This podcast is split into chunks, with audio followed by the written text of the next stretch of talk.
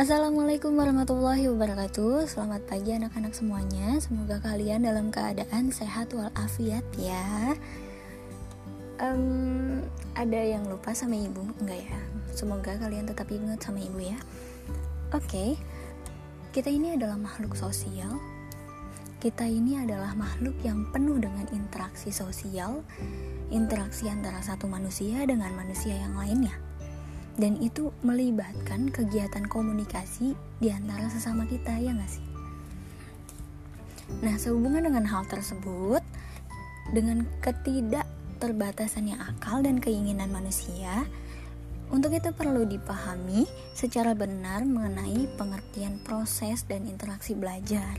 Menurut kalian, belajar itu apa sih?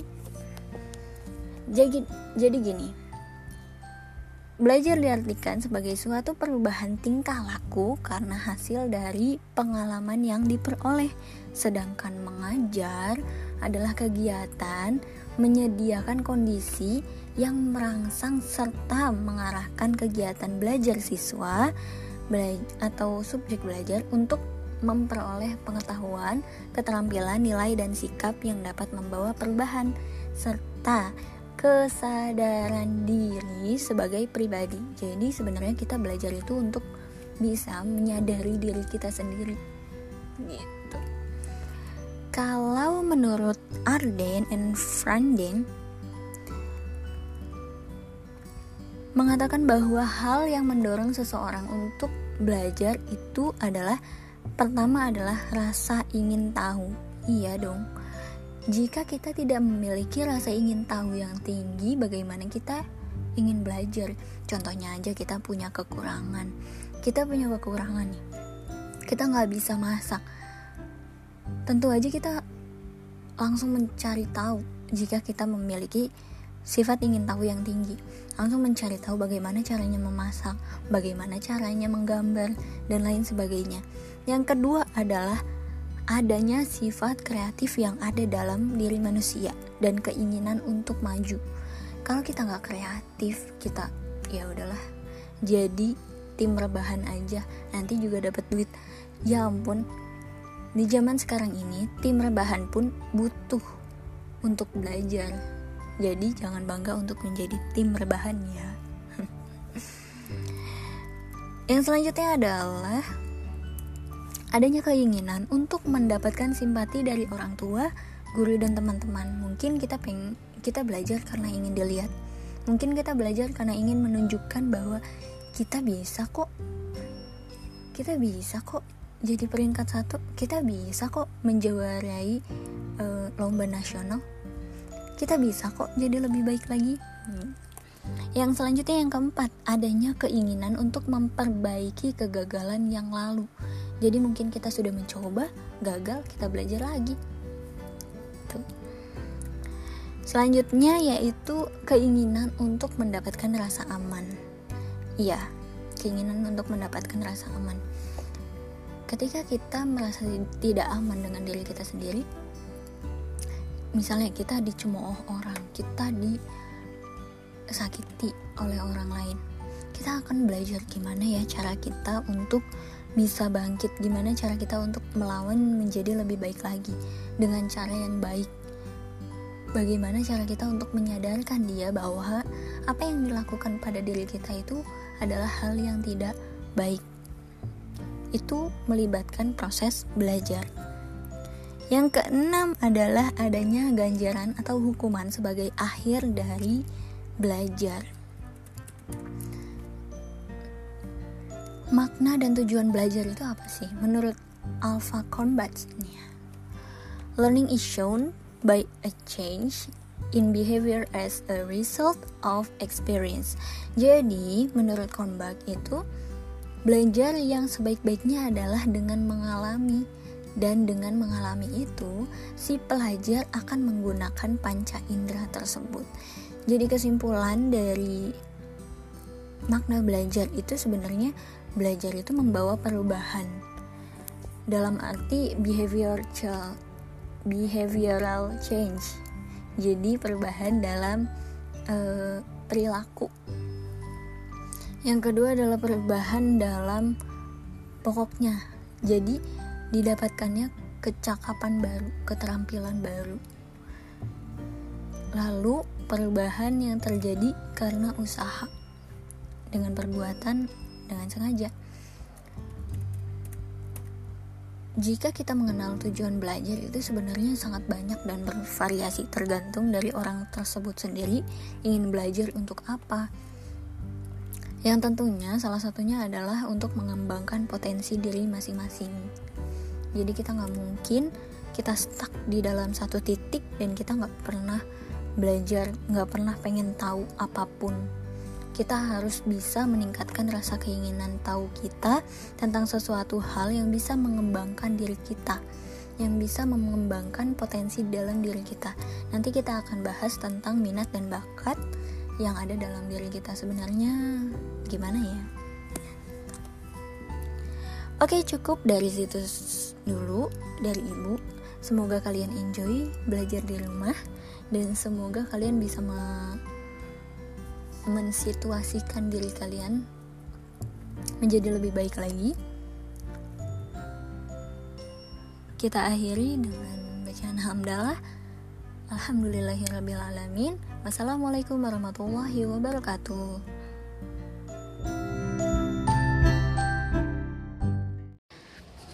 Assalamualaikum warahmatullahi wabarakatuh Selamat pagi semuanya Selamat datang di podcast Ruang Diri Kembali bersama saya Ibu Nevi Mauliani Putri dipersembahkan oleh BK SMP dan SMK Bisnis Informatika Kota Bekasi.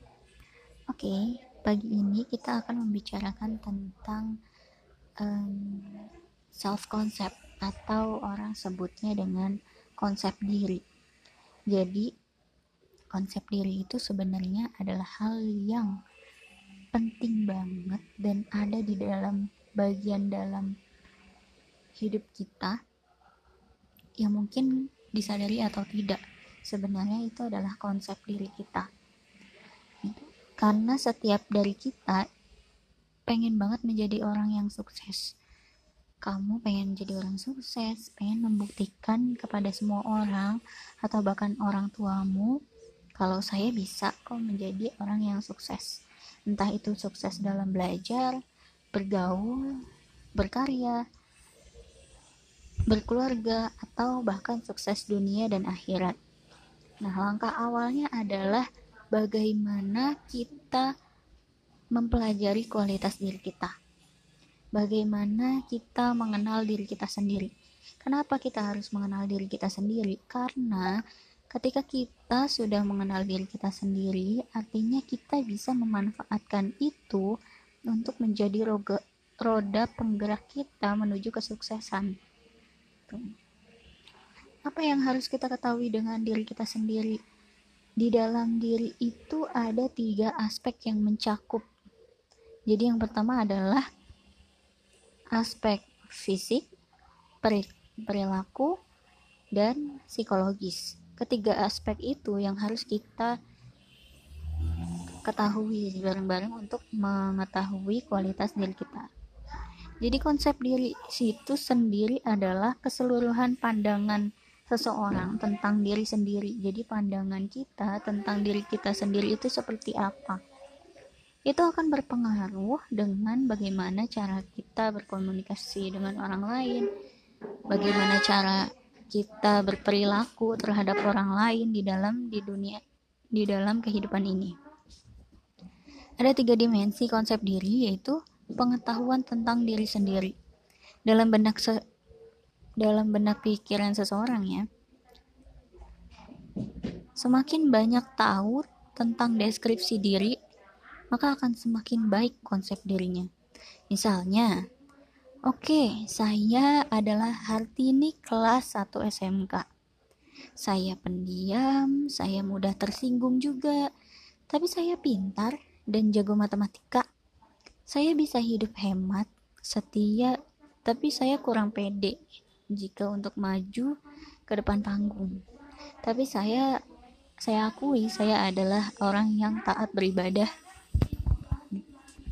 Nah, dari situ adalah wawasan tentang diri kita sendiri. Akui apa yang memang kita lakukan dan kita rasakan. Nah, wawasan itu semakin lama semakin luas sesuai dengan dinamika konsepnya. Itu yang kalian kenal tentang diri kalian sendiri. Yang kedua adalah pengharapan terhadap diri atau mungkin bisa dibilang juga ideal self. Jadi kita pengen jadi orang seperti apa? Kita harap kita jadi orang seperti apa? Itu yang disebut dengan ideal self. Karena diri ideal setiap orang itu beda-beda ya. Ada yang mengharap dirinya jadi pengusaha sukses, ada yang jadi akuntan yang jujur, atau psikolog yang takwa, Sebaliknya juga ada juga orang yang ingin meraih popularitas dalam bermasyarakat. Itu contohnya politikus yang adil, pengusaha dermawan dan lain-lain. Yang ketiga yaitu penilaian terhadap diri sendiri. Karena disadari atau enggak, setiap kita itu perlu menilai diri sendiri, khususnya menilai setiap langkah, setiap tingkah laku kita. Contohnya, tingkah laku belajar saya menghasilkan nilai rapot nilai saya 5,5 oke berarti aku gagal nah itu yang membuat kita menilai diri kita sendiri kenapa itu bisa terjadi? Karena hasil penilaian antara harapan yang dibentangkan dengan fakta yang ada dalam diri kita akan menghasilkan rasa harga diri. Sekali lagi, menghasilkan rasa harga diri kita. Kalau kita menilai diri kita tinggi otomatis harga diri kita rasa harga diri itu akan semakin tinggi. Tapi kalau kita menganggap diri kita adalah orang yang gagal maka itu akan menjadi orang yang gagal Tuh. konsep diri yang positif ada konsep diri juga yang negatif jadi konsep diri positif itu ada dalam diri orang yang dapat menerima dirinya secara apa adanya dengan segala resiko dan kekuatan dan kelemahannya yang dia punya. Ia memiliki pengetahuan dan wawasan yang luas tentang dirinya, punya harapan-harapan, perencanaan yang masuk akal. Itu adalah konsep diri yang positif, sehingga itu akan menghasilkan pribadi yang lebih baik lagi pribadi yang seperti ini, positif seperti ini tidak merasa terancam. Sebaliknya, ada konsep diri yang negatif. Konsep diri yang negatif terjadi pada individu yang gak banyak tahu tentang dirinya. Gak melihat dirinya secara utuh. Misalnya, ia hanya melihat kelemahan diri. Jadi kita cuma melihat kelemahan-kelemahan diri kita. Oh, uh, saya orangnya pemalas oh saya nggak bisa nggak um, bisa melakukan hal itu saya nggak bisa kayak orang lain dan lain sebagainya. Dia hanya fokus pada kelemahan dirinya atau bahkan kelebihan-kelebihannya. Jadi dia tidak membangun harapan-harapan diri yang realistis. Peluang berhasilnya sangat tipis. Pribadi yang demikian memiliki harga diri yang rendah. Sehingga sehingga memposisikan dirinya secara tidak tepat itu. Karena itu kita harus memiliki konsep diri yang positif agar kita bisa membangun diri kita sendiri menjadi pribadi yang lebih baik lagi. Sekian itu dulu dari Ibu, semoga kalian enjoy uh, next time coba tanyakan dalam diri kalian sendiri. Yang pertama, hal-hal apa yang paling kamu suka atau syukuri atas diri dan kehidupan kamu.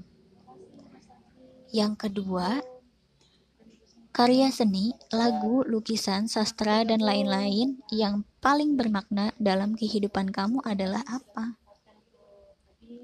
Yang ketiga, Pengalaman pada masa kecil yang sangat mengesankan bagi kamu apa ya?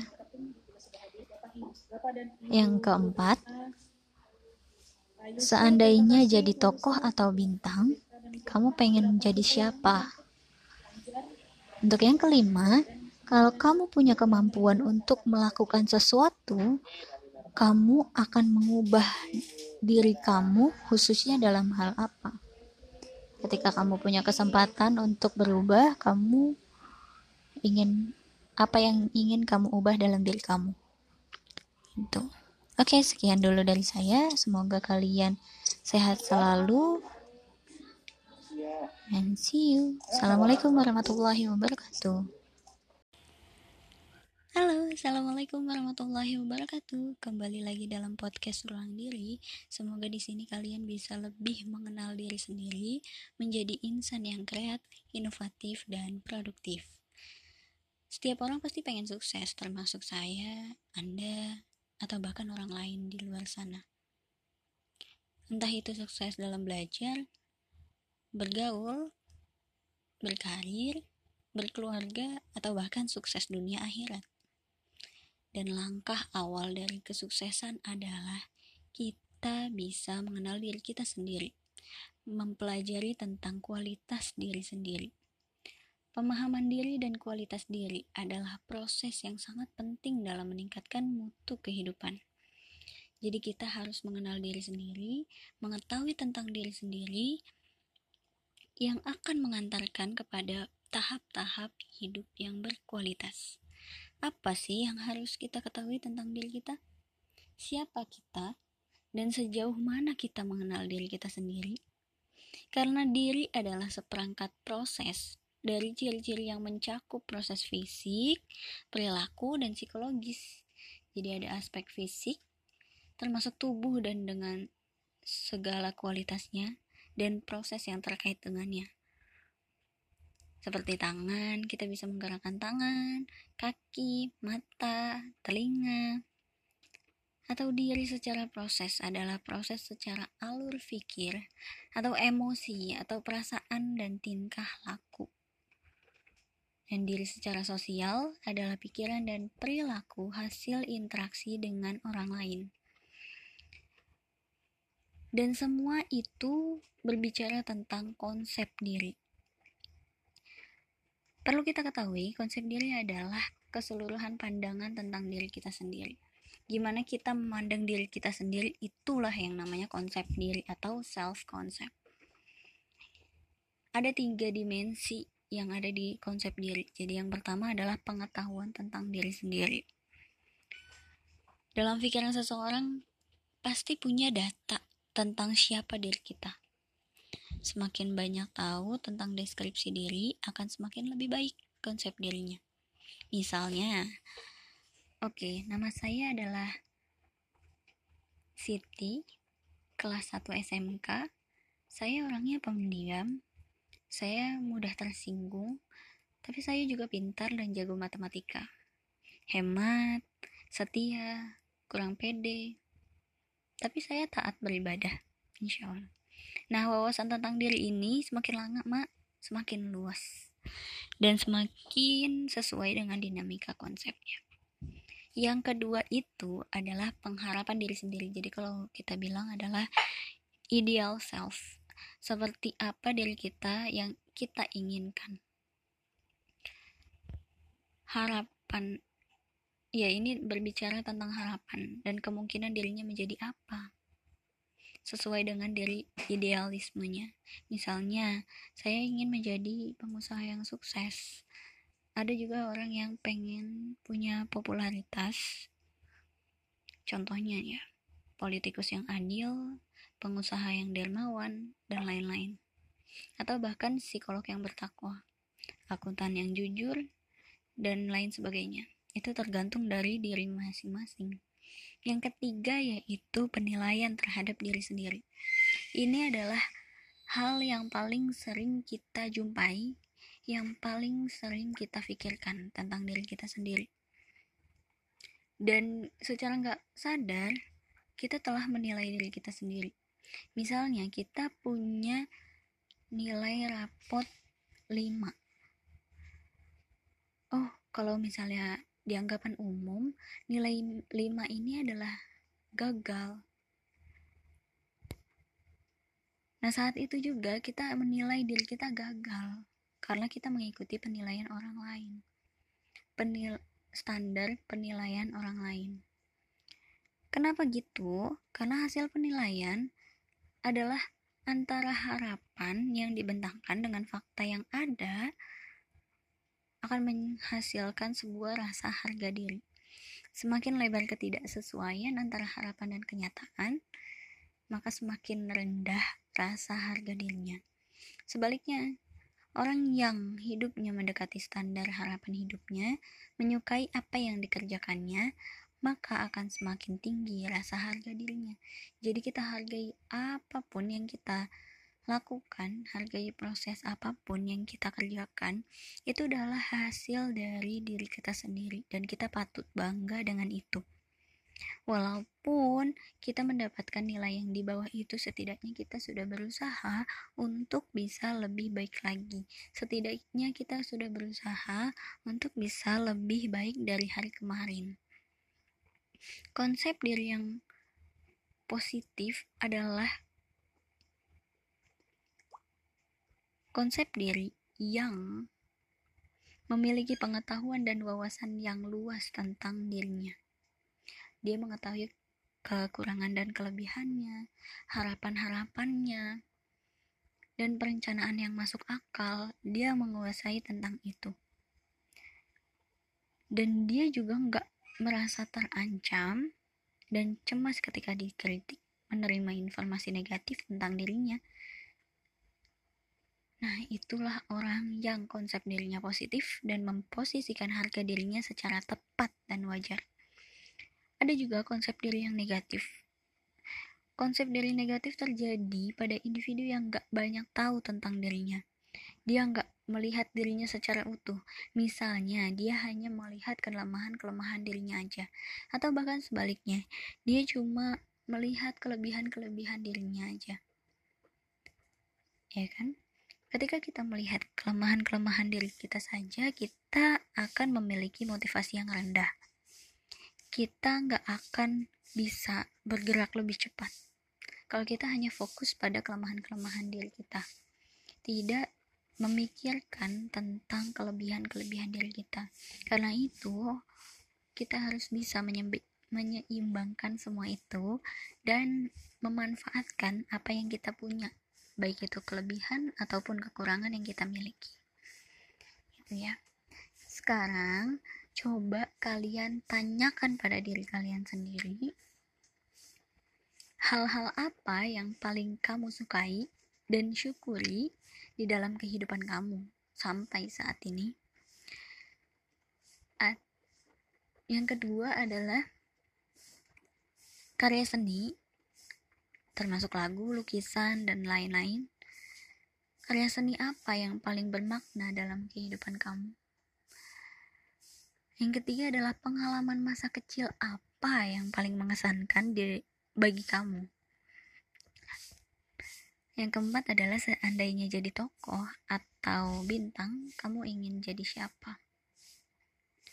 Yang kelima, kalau kamu punya kemampuan untuk melakukan sesuatu, kamu akan mengubah dari diri kamu khususnya dalam hal apa.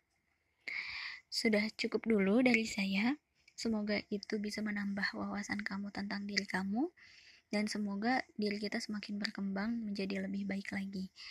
See you on next post podcast and have fun. Assalamualaikum warahmatullahi wabarakatuh.